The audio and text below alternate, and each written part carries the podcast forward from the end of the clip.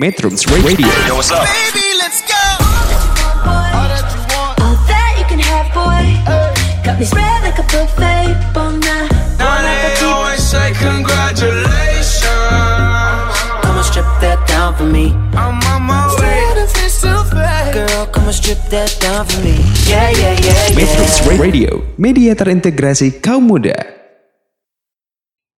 Selamat malam metronom. Berjumpa kembali dalam acara Arah Pandang Bincang Ideologi dan Politik Internasional edisi Kamis tanggal 7 Oktober tahun 2021 masih dari radio online Metrum Bandung di bilangan Jati Handap Bandung. Pada edisi kali ini, seperti biasa, metronom selama satu jam ke depan akan bersama saya, Desmond, dari Forum Studi Asia Afrika.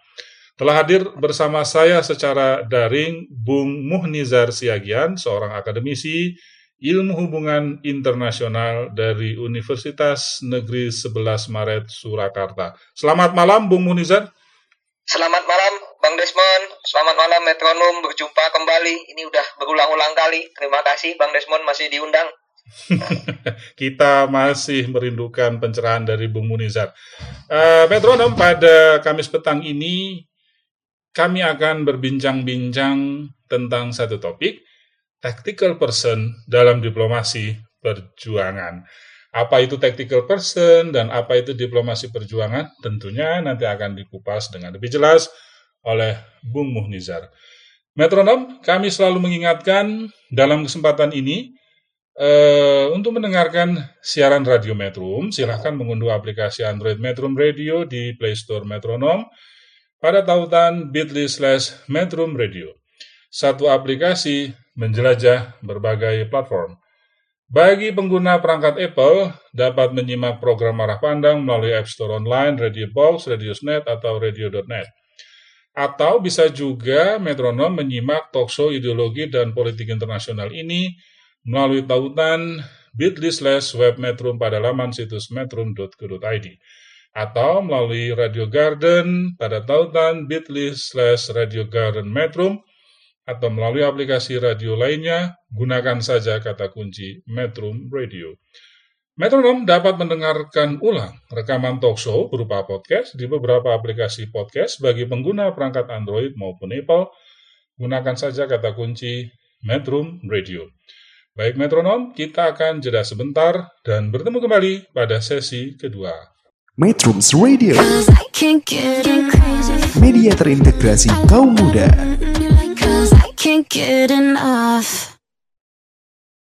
Metronom, saat ini kita telah berada di sesi kedua acara arah pandang bincang ideologi dan politik internasional. Pada sesi kedua ini, narasumber kita Bung Muhnizar Siagian akan mengupas eh, apa itu diplomasi perjuangan. Silakan Bung Munizar. Iya, eh, Bang Desmond dan Metronom saya senang sekali eh, apa namanya eh, topik ini diangkat oleh eh, panitia dan eh, para yang mempersiapkan tema-tema yang akan dibicarakan di Radio Metro. Eh, mengapa saya senang sekali? Karena eh, ini merupakan pondasi dasar dari semua aktivitas diplomasi kita, Bang Desmond. Ya, Saya pikir jadi kalau kita tidak paham ini, nanti pemahaman kita soal hubungan internasional yang harus dimainkan Indonesia itu rapuh, ya, kayak rumah kardus gitu. Jadi Ya. kena angin sedikit dia akan ambruk. ya, ya. Nah, karena pondasinya tidak kuat. Jadi saya pikir eh, tidak hanya mungkin eh, orang-orang yang ingin berprofesi sebagai diplomat, tapi yang memperhatikan eh, diplomasi dan politik luar negeri Indonesia hari ini, tetapi juga anak-anak SMA mungkin ya, SMP, Ya, ya. SMA yang membutuhkan bahan-bahan soal sejarah yang di kemudian hari mungkin akan menjadi diplomat Indonesia. Saya pikir bahan pertama atau kurikulum pertama yang harus mereka dapatkan adalah soal diplomasi perjuangan Ya. eh, Bang Desmond dan eh, Metronom. Nah, saya ingin menyebut eh, kita flashback jauh ke 1945, Ya. eh, proklamasi kemerdekaan kita di di tanggal 17 Agustus itu, Ya. eh, 1945 di Pegangsaan Timur itu. Nah, setelah proklamasi itu eh, situasinya tidak lalu mulus gitu ya, tidak lalu lancar untuk mendirikan sebuah negara dengan eh, aparatur-aparaturnya, dengan instrumen-instrumennya, dengan eh, apa namanya kebijakan-kebijakannya karena memang setelah itu sekutu yang menang lalu Belanda datang dengan dibo- dibonceng sekutu balik ke Indonesia dengan berbagai modus ya Bang Des. Jadi Ya. eh, definisi awal diplomasi perjuangan itu adalah bagaimana setelah kemerdekaan kita di 1945 kita menghadapi agresor ya dua kali agresi ya Bang Des ya Betul, betul. sampai terkenal Bandung Lautan Api ya Bang Betul, Des betul. Eh, di Surabaya terkenal eh, Bung Tomo Betul. lalu juga eh, terkenal resolusi jihad ya Bang Ya, Des jadi apa Habulatul Minal Iman ya Bang Des Ya. apa membela tanah air itu bagian dari iman dan banyak hal kita lihat jadi awal kemerdekaan kita runut dulu awal kemerdekaan lalu tapi semuanya tidak baik-baik saja ada tuduhan-tuduhan Belanda memang kita tahu Bang Des ya naskah proklamasi itu disiapkan di rumah eh, orang Jepang Ya. ya Bang Des nah, tapi kan berita yang disebarkan itu saya pikir hoax oleh sekutu untuk kepentingan mereka bahwasanya kemerdekaan kita itu bikinan buatan Jepang dan Ya. Indonesia itu adalah negara boneka Jepang dan Ya. menurut mereka ini berbahaya karena Jepang fasis. Saya pikir ya fasisme dan kolonialisme imperialisme itu sama berbahayanya, Betul. sama Ya. saja berbahaya sehingga uh, agresi militer satu. Nah akhirnya dimulailah perundingan-perundingan. Nah eh, saya pikir ini aktivitas diplomasi pertama kita setelah kita merdeka, bang. Ya. Nah, perundingan-perundingan itu untuk apa? Untuk pengakuan Indonesia atas uh, pengakuan negara-negara lain atas Indonesia. Kita mencoba melakukan itu. Uh, lalu uh, yang kedua tentu membuat Belanda uh, mengakui kemerdekaan kita lalu angkat kaki dari Indonesia sehingga kita bisa mengurus negara kita sendiri. Nah, dalam hal diplomasi perjuangan ini Bang Des, memang kan Muhammad Hatta pertama dalam pidato itu. Sebenarnya kan itu kan pidato ini ya pidato apa ketika ada pertanyaan gitu ya. Politik luar negeri kita seperti apa. Tadi kan cuma hanya beberapa part gitu kan dalam pidato yang lengkap itu ya Bang Des ya? Ya. Eh, apa soal politik luar negeri bebas aktif. Ya. Eh, lalu setelah itu Sultan Syahrir yang menjaga sebagai perdana menteri kita berubah. Nah Sultan Syahrir eh, titik poinnya adalah dia mengatakan kita harus memulai diplomasi karena apa namanya eh, mentalitas kita yang sering bertempur gitu kan. Ini kalau Pak, kita terus seperti ini merdeka atau mati itu tidak pilihan katanya jadi Ya. eh, ada pilihan-pilihan damai yang harus kita lakukan tentu dengan proses yang panjang. Nah itu yang di- diusahakan oleh Sultan Syahrir sehingga Sultan Syahrir memulai aktivitas diplomasi. Nah sehingga muncul perundingan-perundingan mungkin yang terkenal perundingan Linggarjati itu kan eh, diplomasi diplomasi kita juga diplomasi beras misalnya ke India Ya. agar Inggris eh, berpihak kepada kita eh, dan yang kita tahu bahwa tentara-tentara yang dibawa Inggris ke sini itu juga banyak orang India ya Ya. Bang Des. sehingga kan mereka berempati juga aduh ini kan lagi paceklik di India dibantu Indonesia masa kami mau menyerang Indonesia banyak akti- taktik-taktik diplomasi seperti itu nah tapi di sisi lain juga ada yang berseberangan dengan dengan Sultan Syahrir nah ini umumnya saja ya Bang Des ya Ya. itu eh, apa Tan Malaka dan kawan-kawan Oh, iya, yang iya. me- eh, itu harus kita kutip gitu ya sebagai bapak strategi Ya. ya. internasional karena kalau kita baca merdeka 100% itu clear apa yang harus negara lakukan setelah merdeka Ya. itu clear Eh, satu dua gerpolek gitu kan itu clear apa yang harus kita apa yang harus negara lakukan gerpolek merdeka 100% Nah, Gerpolek, jadi, gerpolek eh, eh, bisa dibantu metronom apa artinya, Bung? eh, nah Geril- itu. Gerilya, Pol- politik, ekonomi ya kalau nggak salah ya. politik dan ekonomi. Ah, oke, Jadi kita harus itu yang titik poinnya itu kan bahasa gerilyanya itu ya. Jadi titik poinnya kan di sana bahasa gerilyanya itu. Jadi dia mengatakan bahwasanya memang harus bergerilya karena sebagai negara awal. Nah, lalu eh, apa namanya ada merdeka 100%. Jadi bahasanya Sultan Syahrir adalah eh bahasanya Tan Malaka adalah masa berunding dengan maling yang datang ke rumah kita. Jadi harus clear kan, harus clear kita harus bertempur eh, dalam hal ini. Makanya kan muncul eh, Jenderal Sudirman akhirnya berpihak kepada Tan Malaka dan saya juga harus mengutip satu orang yang sering kita lupakan itu kan Saripudin Prawira Negara. Oh iya iya. Wah itu apa yang mem- saya pernah bang Des itu dan teman-teman mungkin eh, jalan dari Bukit Tinggi masuk ke Payakumbuh Ya. terus ke Riau itu. Jadi saya dulu menyusuri bagaimana ibu ibu kota kita yang dalam tanda kutip disebut somewhere in the jungle ya. Jadi kita tetap berdiri sebagai ibu kota negara, tetapi di dalam hutan. Nah, Ya. jadi kebanggaannya Sarifudin Prawira Negara itu Indonesia itu tetap ada walaupun Jakarta, Jogja waktu itu lalu Bukit Tinggi itu di, digempur oleh digempur oleh Belanda dan sekutu. Jadi eh, apa namanya Sarifudin menga- eh, bawa radio lalu menyiarkan Indonesia itu masih ada. Wah itu luar biasa sekali. Itu berhubung-hubung dengan teman-teman eh, di luar negeri. Jadi eh, kita leb- lebih baik daripada Belanda katanya. Belanda ketika diagresor oleh Jerman ya Bang Des. Ya. Maaf kalau salah. Itu dia harus pindah kan Oh iya ke Inggris. Eh, ke Inggris. Ratunya. Nah kita Iya, benar iya. ya Bang Des ya. Iya, iya. Nah, dia harus pindah ke Inggris dan Iya. menjadi apa me- menggerakkan pemerintahan kan dari Inggris. Iya, iya, iya. Eh, Indonesia itu tidak. Ketika kita diserbu oleh sekutu dan Belanda, kita tetap menjalankan pemerintah kita di wilayah berdaulat Indonesia. Wah, itu kehebatan. Walaupun itu dalam bahasa ya Bang Des ya, Ya. tapi bagi saya berarti Sarifudin Prawira Negara, Sultan Syahrir, Tan Malaka itu sangat memahami sejarah dunia Iya. titik poinnya itu di situ. Dia memahami sejarah dunia politik internasional eh, bagaimana gerak masyarakat internasional. Tema-tema yang hari ini terkhusus dipelajari oleh anak-anak politik dan studi hubungan internasional. Nah definisi diplomasi perjuangan itu adalah di titiknya di sana bang Des. Setelah merdeka lalu kita mencoba untuk mempertahankan kemerdekaan kita dengan berbagai aktivitas diplomasi aktivitas politik luar negeri Nah, yang nanti berujung di 1949 pengakuan atas eh, Belanda atas. Sampai hari ini ya Bang Des masih Hmm. ya? Belanda masih mengakui kita di 1949 Masih, masih. masih ya? Belum masih ke mengakui Agustus kita 1945 belum.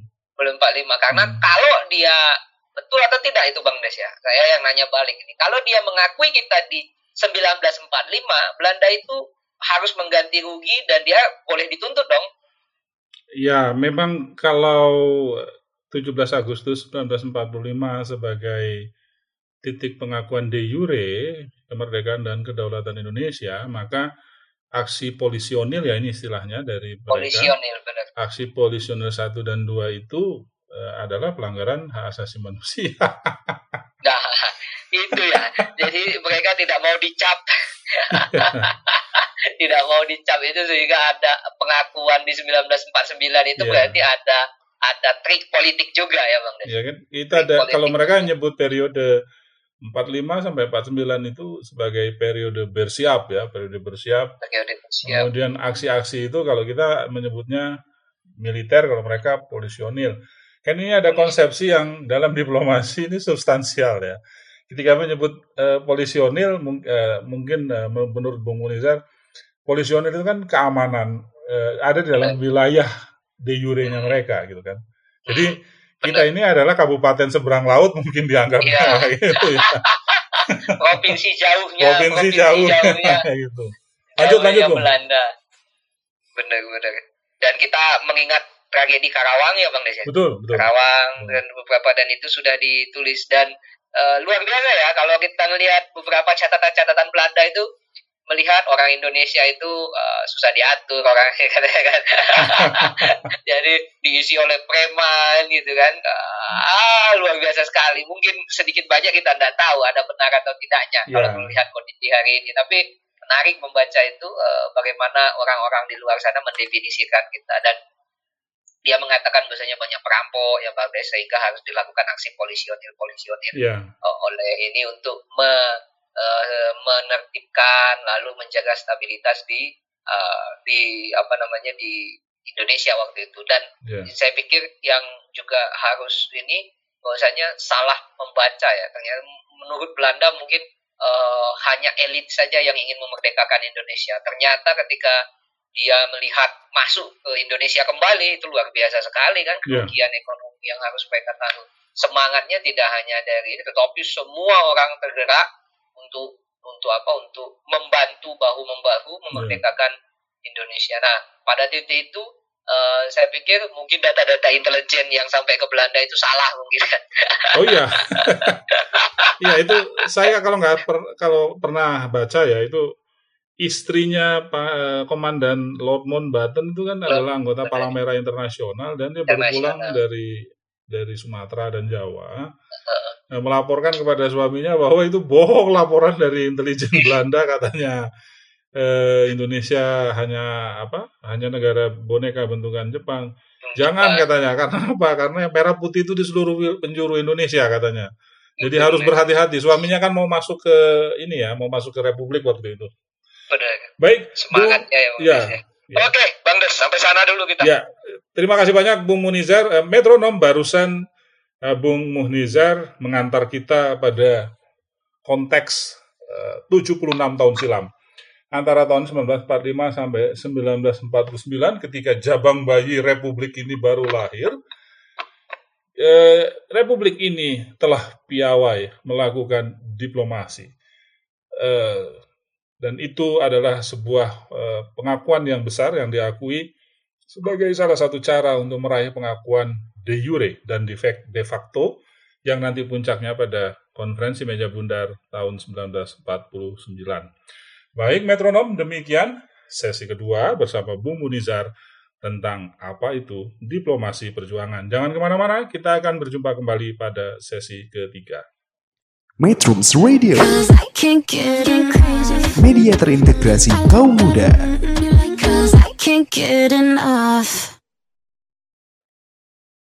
Metronom, berjumpa kembali pada sesi ketiga acara Arah Pandang, Bincang Ideologi dan Politik Internasional. Masih bersama Bung Muhnizar Siagian. Pada sesi ketiga ini, kita akan lebih mendalam kembali melihat siapa saja yang terlibat di dalam diplomasi perjuangan. Dan biasanya mereka disebut sebagai tactical persons. Anak-anak HI sangat penting sekali memahami ini. Kenapa? Karena ternyata para diplomat Indonesia di awal kelahirannya tidak ada alumni HI. Silakan Bung Munizar. Wah ini benar luar sekali. Ini satir mungkin. Kok sekarang kalau banyak alumni HI malah diplomasinya sering mandek gitu ya. Sering gagal gitu kan. Nah itu langsung saja kita tembak Bang Des. Tapi menarik. Eh, saya pernah membaca dan berdiskusi dengan eh, eh, salah satu profesor dari Universitas Negeri Padang Hmm. eh, sejarah Prof. Mestika Z Mustika Z. Almarhum. Uh, almarhum. uh, jadi uh, dia menulis soal diplomasi Indonesia di awal-awal kemerdekaan dan mengkutip besar di bold itu dalam tulisannya bagaimana dulu katanya uh, diplomat-diplomat kita itu diisi oleh tactical person Ya. karena berbagai argumentasi bang Des. Pertama belum ada sekolah diplomat Ya, atau jurusan politik dan hubungan internasional itu kan belum ada belum ada. bang Des. Belum ada. Sebelum sebelum sebelumnya kan yang ada itu kan kedokteran yang Ya. dibikin Belanda ya bang Des ya. Hukum paling hukum ya. administrasi, ya administrasi. Uh, jadi uh, jadi untuk mengurusi uh, apa namanya uh, pabrik-pabrik lah apa namanya sebenarnya sekolah-sekolah itu dibikin aparat-aparat itu dibikin untuk menjalankan roda ekonomi kolonial Belanda kan sebenarnya Tujuan Untuk kan kepentingan itu. Ha, sebenarnya untuk kepentingan Belanda juga ya. Heeh. tapi mungkin dengan kurikulum Belanda ya nah di sisi lain kan kita tidak bisa ngelihat penjajahan itu hitam semua ya Bang. Betul, betul. Nah, eh, itu saya melihat, saya belajar hal ini mungkin dari dari Sultan Syahrir dan bapak-bapak pendiri kita. Dia melihat tidak seperti itu. Makanya kan Nurholis Majid itu pernah menulis eh, ketika Belanda memberikan pendidikan kepada elit ya, hanya Ya. segelintir ya, Bang Ya, ya, dan ya. metronom yang boleh yang boleh mengenyam pendidikan itu eh, karena Tan Malaka, Soekarno, Syahrir itu bukan eh, bukan anak orang sembarangan Betul, ya, betul. ya memang mereka itu elit, di- Elit. Di, masyarakat sehingga bisa mengenyam uh, pendidikan. Nah, dengan politik balas budi namanya ya dulu ya Bang Des. Ya, Jadi ya. uh, memberi pendidikan kepada anak-anak uh, warga apa namanya pribumi di Hindia Pribumi. Belanda waktu itu namanya. Nah, itu karena tuntutan Nah, dari itu- dalam negeri Belanda juga ya kalau nggak salah. karena tuntutan dari dalam negeri Belanda juga karena kan eh, dianggap Indonesia apa India Belanda sudah sangat berjasa untuk Ya. menggerakkan ekonomi eh, Belanda. Nah, itu katanya Nurholis Majid itu titik awal eh, Belanda itu menggali kuburannya sendiri. Oh, bagus, bagus bahasanya. Ya. Oh kita tidak kepikir. Jadi ketika generasi pertama mungkin cangkul pertama, generasi Ya. kedua cangkul kedua, sampai itu dalam dan akhirnya iya mem- mem- membenamkan Belanda. Jadi orang-orang inilah kan yang akhirnya melawan ya Belanda dan perlawanan perlawanannya itu Bang Des. Perlawanan kita pertama itu intelektual. Jadi ini boleh dikatakan bahwa eh, rahim intelektualnya eh, apa? Maksud saya rahim intelektualnya nanti yang terlibat pada diplomasi perjuangan itu di di fase ini, Bung Munizar ya. Iya, Hmm. iya Bang Des. Jadi ini yang yang penting untuk kita. Bahwasanya diplomasi politik luar negeri itu bukan pekerjaan untung rugi, tapi Hmm. pekerjaan yang harus jelas titik intelektualnya. Hmm. Dan dan Nah, mereka kalau ini dan mereka pada saat itu eh, lahir dari politik balas budi juga. politik balas budi juga. Nah, jadi kan jadi pertanyaan kita nanti akan bahas bisa Iya. ya kan.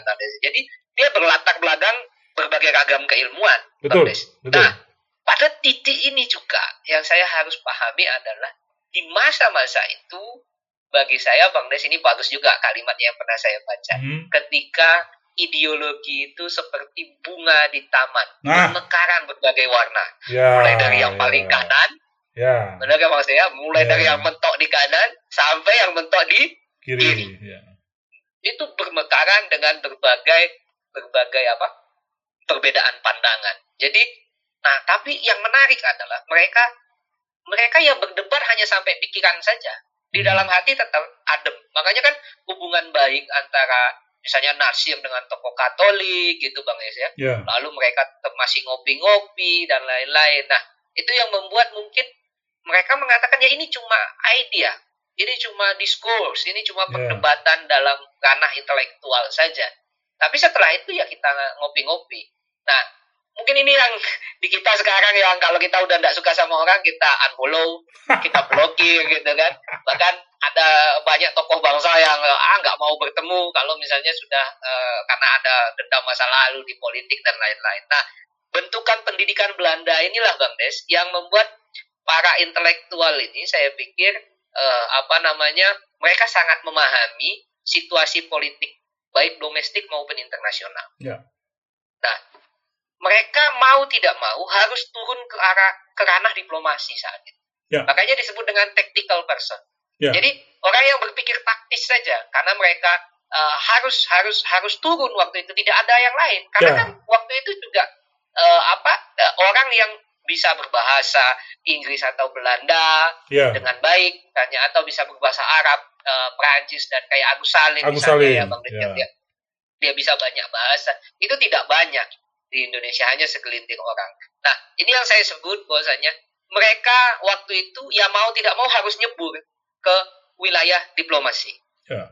Bang Des. Jadi tactical person, definisi tactical person-nya adalah orang-orang yang berpikir taktis Ya. yang dia elit segelintir elit Indonesia yang mendapat pendidikan dari Belanda dan tidak berlatar belakang eh, apa namanya studi hubungan internasional atau politik Ya. karena belum ada waktu itu. Ya. Tapi nah ini di sesi yang terakhir nanti Des. Tapi kok kemampuan mereka membaca politik internasional itu sangat tajam. Nah ini Ya. kita simpan, Simpan nanti kita ya. simpan untuk kita obrolkan Hmm. Nah, mudah-mudahan ini jadi resep nih untuk teman-teman yang ingin berkarir di politik, teman-teman yang ingin berkarir di, diplo- di diplomat. Apa sih resep eh, menurut eh, apa namanya para sejarawan yang membuat tactical tactical person ini bahasanya Bang Desmond tadi eh, metronom adalah sangat piawai bah walaupun Indonesia baru berumur eh, berumur jagung ya Bang Ya, atau ya. masih cabang bayi ya Ya, ya. masih cabang bayi. Wah, Nah ini yang yang kita simpan nanti apa saja sih resep-resepnya yang bisa kita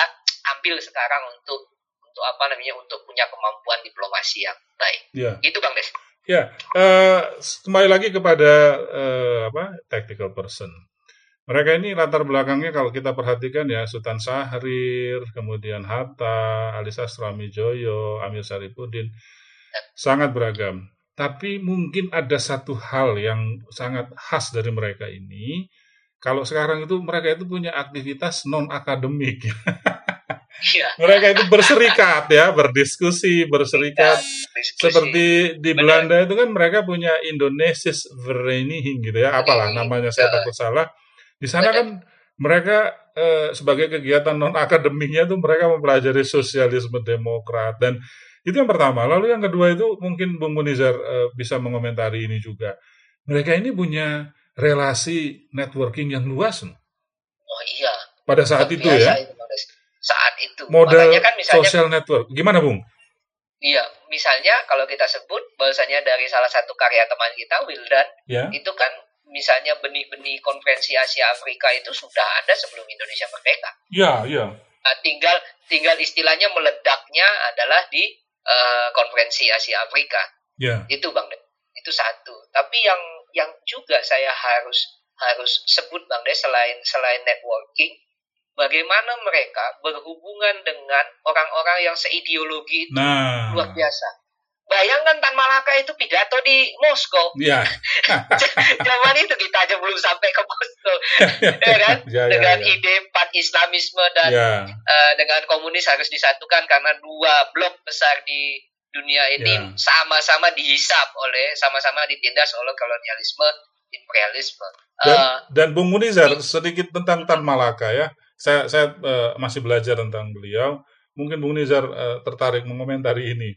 Beliau mengatakan bahwa siapa pun kekuatan di Asia Pasifik ini yang akan berkuasa harus menguasai kawasan Asia Tenggara, wabil khusus Indonesia yang dia wabil khusus. konsepnya asalia kan Australia Indonesia maksud saya kesadaran geopolitik orang-orang di masa itu ini luar biasa gitu ya gimana bung Nah, Bang Des. Jadi makanya kan obrolan-obrolan soal jamrut katulistiwa itu ya kebanggaan-kebanggaan kita itu saya pikir berdasar.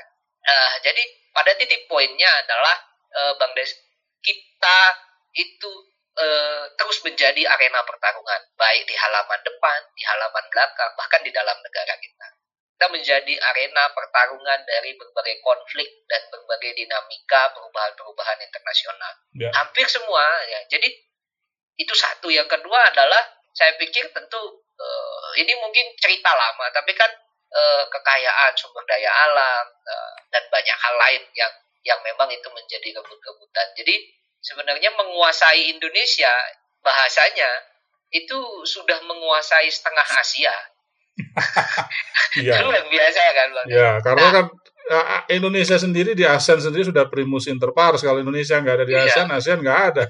Nggak ada. Nah, eh, tapi titik titik poinnya kan eh, bukan pada bukan pada kebanggaan ya. Saya saya saya tidak melihat itu bang Des. Hmm, Tapi titik poin perkataan Tan Malaka di sana adalah kehati-hatian kehati-hatian dalam mengambil dan membaca perubahan-perubahan dalam politik dunia. nah itu Kalau itu bang para tactical person ini mampu membaca perubahan geopolitik dunia. Ini mereka padahal belum ada medsos ya waktu itu. Terus belum ada medsos, belum eh, nge-tweet. bahan ba- belum nge-tweet gitu. Ya. Ini nih bahan bacaannya ini kayaknya luar biasa. Luar biasa sekali. Belum ada akademia edu itu. Nah, dan Scopus. Scopus ya. Iya, nanti diperiksa plagiarismenya pakai apa itu? Tenitri apa? Eh, pakai. Tenitri ya. Baik, terima kasih Bung Munizar, tactical person ya, luar biasa ini metronom. Banyak yang banyak kita yang bisa kita teladani dari para tactical person yang berjibaku selama tahun 1945 hingga 1949. Karena tidak ada orang lain lagi mereka lah yang turun, mereka memiliki sebuah kebajikan. Dan kebajikan itulah yang tadi disinggung oleh Bung Munizar mengutip salah seorang sejarawan almarhum Profesor Mustika Z, tactical person. Baik, metronom, kita akan eh, berjumpa kembali pada sesi keempat masih bersama Bung Muhnizar Siagian. Sampai jumpa pada sesi keempat. Metrums Radio, media terintegrasi kaum muda.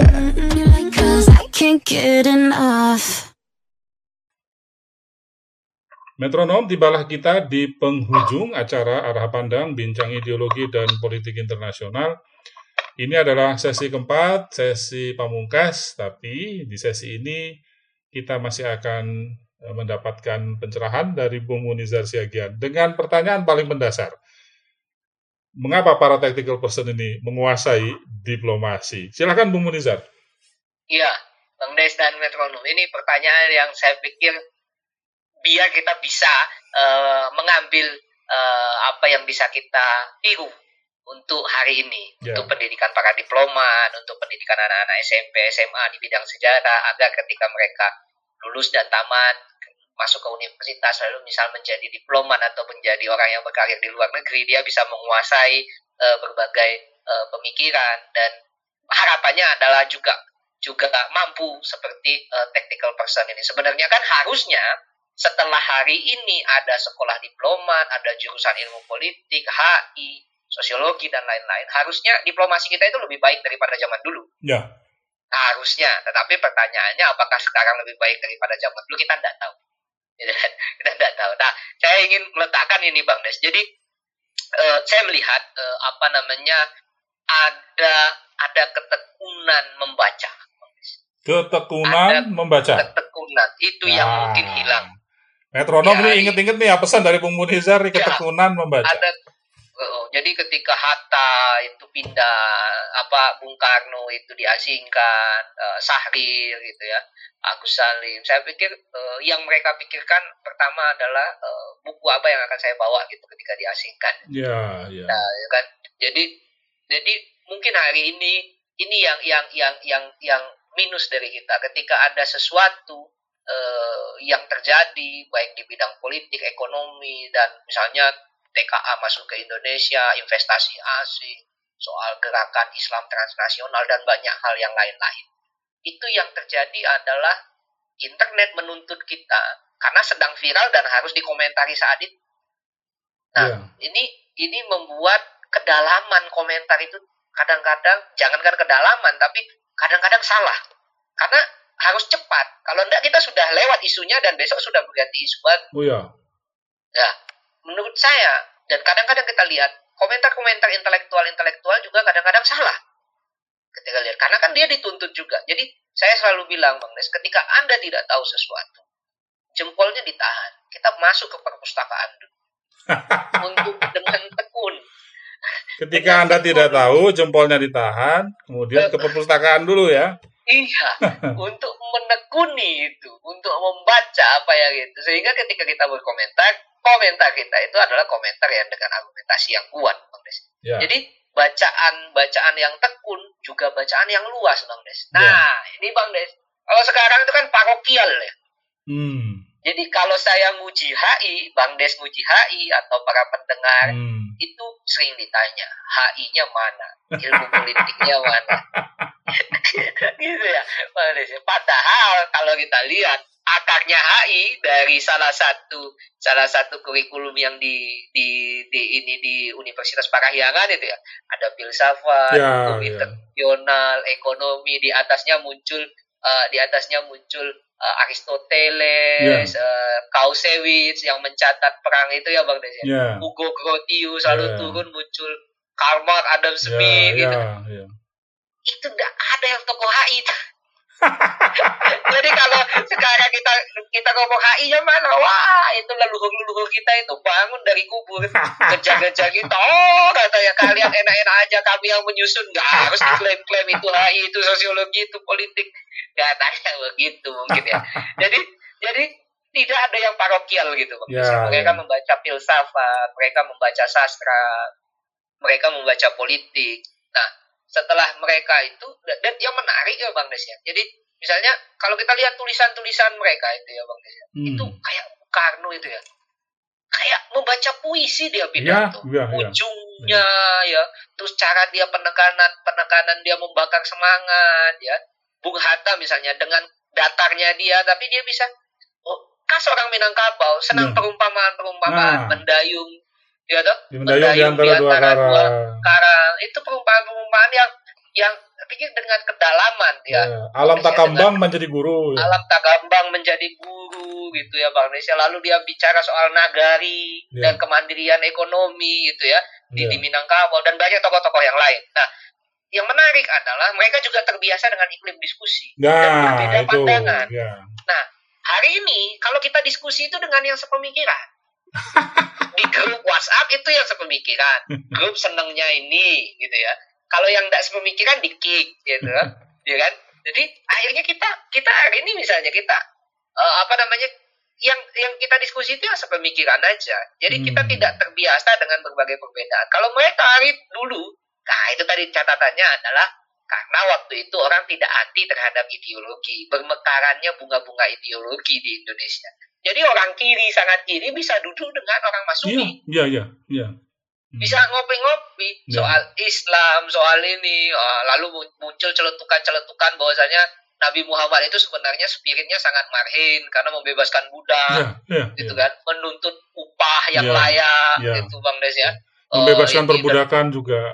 Oh, oh, menghapus Ya. makanya sahabat-sahabatnya, orang-orangnya yang pertama dekat sama eh, apa namanya Nabi besar kita Muhammad itu Ya. eh, adalah para budak, para orang-orang tertindas, kulit hitam, ya Bang Des ya. Iya, Dan kisah. orang-orang di Mekah yang menolak Ya. waktu itu adalah orang-orang yang sebenarnya taipan-taipannya, Betul, mereka sebenarnya Orang-orang- konglomerat itu ya. konglomerat yang menolak itu kan luar Iya. biasa ya kalau kita kalau kita nalar ke sana. Yesus juga mungkin Isa juga seperti itu kan. Iya. Nah, jadi pada titik itu obrolan-obrolannya sangat canggih kalau kita lihat. Nah, jadi tidak hanya di Indonesia kan Bang Des, jejaring intelektual mereka ketika mereka studi di studi di apa namanya Belanda, ketika Tan Malaka. Tan Malaka itu jarak perjalanannya lebih jauh dari Che Guevara. Mohon maaf. Ya, Kalau kita ya. Ya, ya kan dia pernah pindah-pindah ke Pindah-pindah. Singapura, lalu ya. Ke Filipina, Singapura, ke Hong Kong ya. Hong Kong, lalu Ya. jadi guru ya Jadi guru ya. bahasa lalu ke ya. Soviet, lalu Soviet, di Jerman, ya, ke Jerman. ya kan? Sampai apa namanya eh, Hatta ketika bertemu Tan Malaka dan berdiskusi ditanya lagi, gimana sih orangnya Tan Malaka itu? Kami belum ketemu. Tulang punggungnya terlalu keras itu katanya untuk nunduk-nunduk sama orang lain katanya kan. Itu kan menarik ya. Peribahasanya tulang punggungnya terlalu keras kata katanya katanya ini kan katanya apa namanya eh, jadi itu yang yang menarik kan. Dan dan di, dianggap orang yang sebenarnya eh, dingin ya dalam menanggapi berbagai. Jadi ketika Belanda datang dia santai saja. Ngobrol apa yang bisa kita ini jadi eh, perundingan apa yang bisa kita upayakan agar tidak terjadi pertumpahan darah dan lain-lain bang. Iya. jadi ini yang juga menarik saya pikir adalah disku, iklim diskusi dan mereka juga eh, apa rutin ya bang Des mendengar radio membaca Oh, iya. koran-koran ya bang Des ya Ya, bahkan juga sebelum merdeka kan sudah aktif mendirikan surat kabar dan menulis betul. Nah, makanya kan sebenarnya Hatta itu kan lama di Belanda, Syahrir itu lama di Belanda, Ya, Eh, Agus Salim juga keliling-keliling, Tan Malaka juga. Kok bisa berhubung gitu ya, dengan orang-orang di Indonesia? Salah satunya adalah peran peran mesin cetak ya. ya. Bang Des, ya. Jadi peran ditemukannya kertas dan mesin cetak sehingga gagasan itu bisa disebarkan secara luas di Indonesia waktu itu. Jadi tangible-nya adalah mesin cetak, intangible-nya adalah ideologi, universal konsepnya adalah eh, anti kolonialisme anti kolonialisme benar bang Des. Nah itu yang menarik. Nah ini yang terakhir ini bang Des. Saya terakhir. Bahwasanya Ya. tidak ada perasaan minder. Nah, jadi in, inlander tidak merasa bahwasanya kulit berwarna itu lebih lebih jelek lebih buruk dari orang-orang kulit putih. Nah ini kan sering terjadi nih kalau kita ke Borobudur ke Bali gitu. Wah, kita minta foto sama bule gitu. Dianggap bule itu lebih lebih enggak. Waktu itu Iya. mereka merasakan ya semua ah ini kan ah, apa namanya saya senang itu judulnya novelnya Pramana semua bangsa itu ya. ya, kita anak semua bangsa lah jadi maksudnya oh, tokonya Minke ya bang Des Ya, Minke, yang ya. diplesetkan jadi Ya. monkey sebenarnya Ya. monyet itu kan itu kan tokoh yang luar biasa sekali di dalam di dalam novel itu kalau Hmm. kita lihat nah pada pada titik-titik ini Bang Des dengan bacaan yang luas mereka tidak tidak apa namanya tidak terkungkung dengan parokial ya ini Hmm. studiku ini studimu ya, gitu kan ya, ya, ya. oh, oh jadi ini kita harus membahas yang kayak gini dengan iklim diskusi dengan berbagai dan saya tidak tahu ini saya balik nanya ke Bang Des Mhm. Eh, kita punya tragedi 65 Mhm. eh, lalu hari ini eh, ideologi itu dianggap tidak tidak tidak tidak Mhm.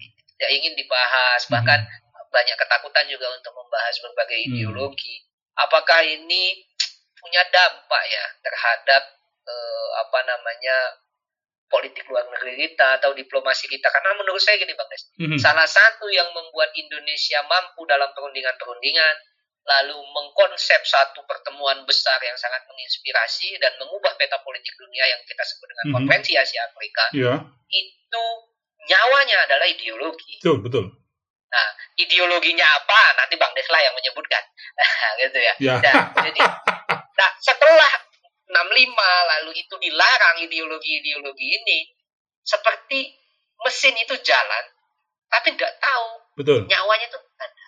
Ya. Nah ini yang yang saya pikir saya pikir titik poinnya adalah orang-orang dahulu itu memahami sekali spirit-spiritnya, semangat-semangatnya itu adalah semangat ideologi. Nah ini apakah memang ada ada itu ya Bang Des? Ini saya balik nanya ini. Jadi Iya. saya yang jadi kalau ya. kalau merujuk ke kekerasan budaya pasca 65 sebuah buku yang menarik ya. Memang eh, ketika variabel-variabel analitik yang menjadi perangkat dari ideologi ini dilarang sehingga kemudian ada eh, kegagalan intelektual ya yang dialami oleh generasi berikutnya untuk memahami gagasan-gagasan besar para pendiri bangsa ini. Jadi eh, akibat eh, apa dilarangnya variabel-variabel analitik dalam dalam apa dalam eh, ideologi ini dalam teori ini akhirnya kemudian kita tidak mampu membaca membaca eh, membaca pesan secara substantif. Kita hanya membaca fenomena paradigma realitanya saja. Tapi materialnya tangible-nya itu eh, sering sulit akar masalahnya itu tidak tidak radikal ya. argumentasi argumentasi Argumen- dasarnya iya. kita tidak bisa melacak itu ya. tidak bisa melacak sampai ke situ. Dan jujur saja pada pada saat konferensi Asia Afrika itu eh, apa sistem politik dalam negeri kita memang parlementer, tapi ada satu partai yang berbeda dengan partai yang lain dan beliau eh, partai ini mengusulkan bahwa untuk meraih kepentingan nasional Indonesia pada era 1955 itu yaitu apa menyelesaikan masalah perundingan Irian Barat adalah dengan membangun solidaritas Asia dan Afrika. Ada kata kunci solidaritas. Kalau partai-partai yang lain di luar partai ini, itu misalnya seperti PSI itu menyarankan dari Asia Tenggara ke Eropa Barat, kalau Benar. eh, Masyumi, Masyumi, Indonesia ke Amerika Serikat, Amerika kalau Serikat. PKI Indonesia ke Komintern. Nah, Oke. partai yang ini, PNI ini kan ideologinya marhenisme. Benar. Nah, ideologi marhenisme ini kan sebenarnya adalah sebuah ilmu sosial ya yang membantu kita untuk eh, mampu membaca, membedah, menggunakan perangkat-perangkat eh, analitik yang membantu kita untuk melihat masalah secara mendasar gitu. Analisisnya sebenarnya analisis ekonomi politik di hubungan internasional kita belajar tentang neomerkantilisme, praktek eh, perham- apa, hambatan dagang non tarif. Ini semua kan isu-isu merkantilisme. Merkantilisme kan adalah akar dari kapitalisme internasional dan dan eh, apa antitesa dari itu adalah analisis yang pernah disampaikan Bung Karno di Gedung Indonesia menggugat bahwa kemiskinan yang dialami oleh Mang Aen di Hindia Belanda ini dan Mang Aen Mang Aen lainnya kan tidak lepas dari eh, sistem eh, kapitalisme internasional yang bersumber dari Eropa sana tetapi prakteknya ada di sini dan pada saat itulah beliau di dalam Pleido Indonesia menggugat menyebut analisis itu sebagai marhenisme. Iya, Bang Des. Dan yang harus kita pahami hari ini mungkin muncul sentimen-sentimen eh, apa namanya benci semua yang ada di luar Indonesia. Nah, saya juga harus menggarisbawahi itu, Bang Des. Hmm. Oh, pemikiran dari Indonesia. Saya yakin Soekarno ketika ngomong Pancasila itu akarnya dari dari dari Indonesia, eh, pembukaan Undang-Undang Dasar itu akarnya dari Indonesia, itu untuk membangun kecintaan kita terhadap Indonesia. Hmm. Tapi kalau kita ngobrol secara intelektual, Pancasila itu berbagai ideologi di Betul, dalamnya, Bang betul, Des. betul. Nah, beliau kan menyinggung Keadilan misalnya cara sosial, memahami sila 2 dan 3 misalnya Bung Rizal, sosionasionalisme kan. Jadi nasionalisme yang harus hidup dalam taman sari peradaban apa? Nasionalisme tanah eh, Indonesia Baik. gitu. Gak ada di Indonesia. Indonesia pernah feodal lama.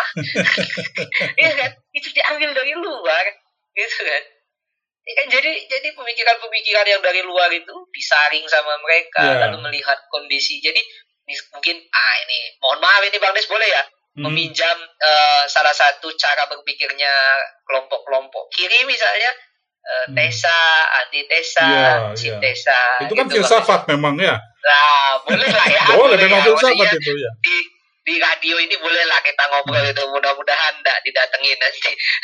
Jadi eh, apa obrolan-obrolan soal itu sehingga saya memahami eh, undang pembukaan undang-undang dasar dan dan apa namanya eh, Pancasila yang kita rumuskan yang Soekarno dan disepakati oleh intelektual-intelektual dan elit kita waktu itu di periode diplomasi perjuangan ini saya memahami itu merupakan apa hasil saringan berbagai pemikiran-pemikiran Ya, besar. ya. Beliau kan mengatakan Jadi, aku menggali kan dari nilai yang Iya. sudah hidup ribuan tahun. iya. Nah, berarti kan yang kita tanya adalah berapa jam dia membaca sehari? Ya.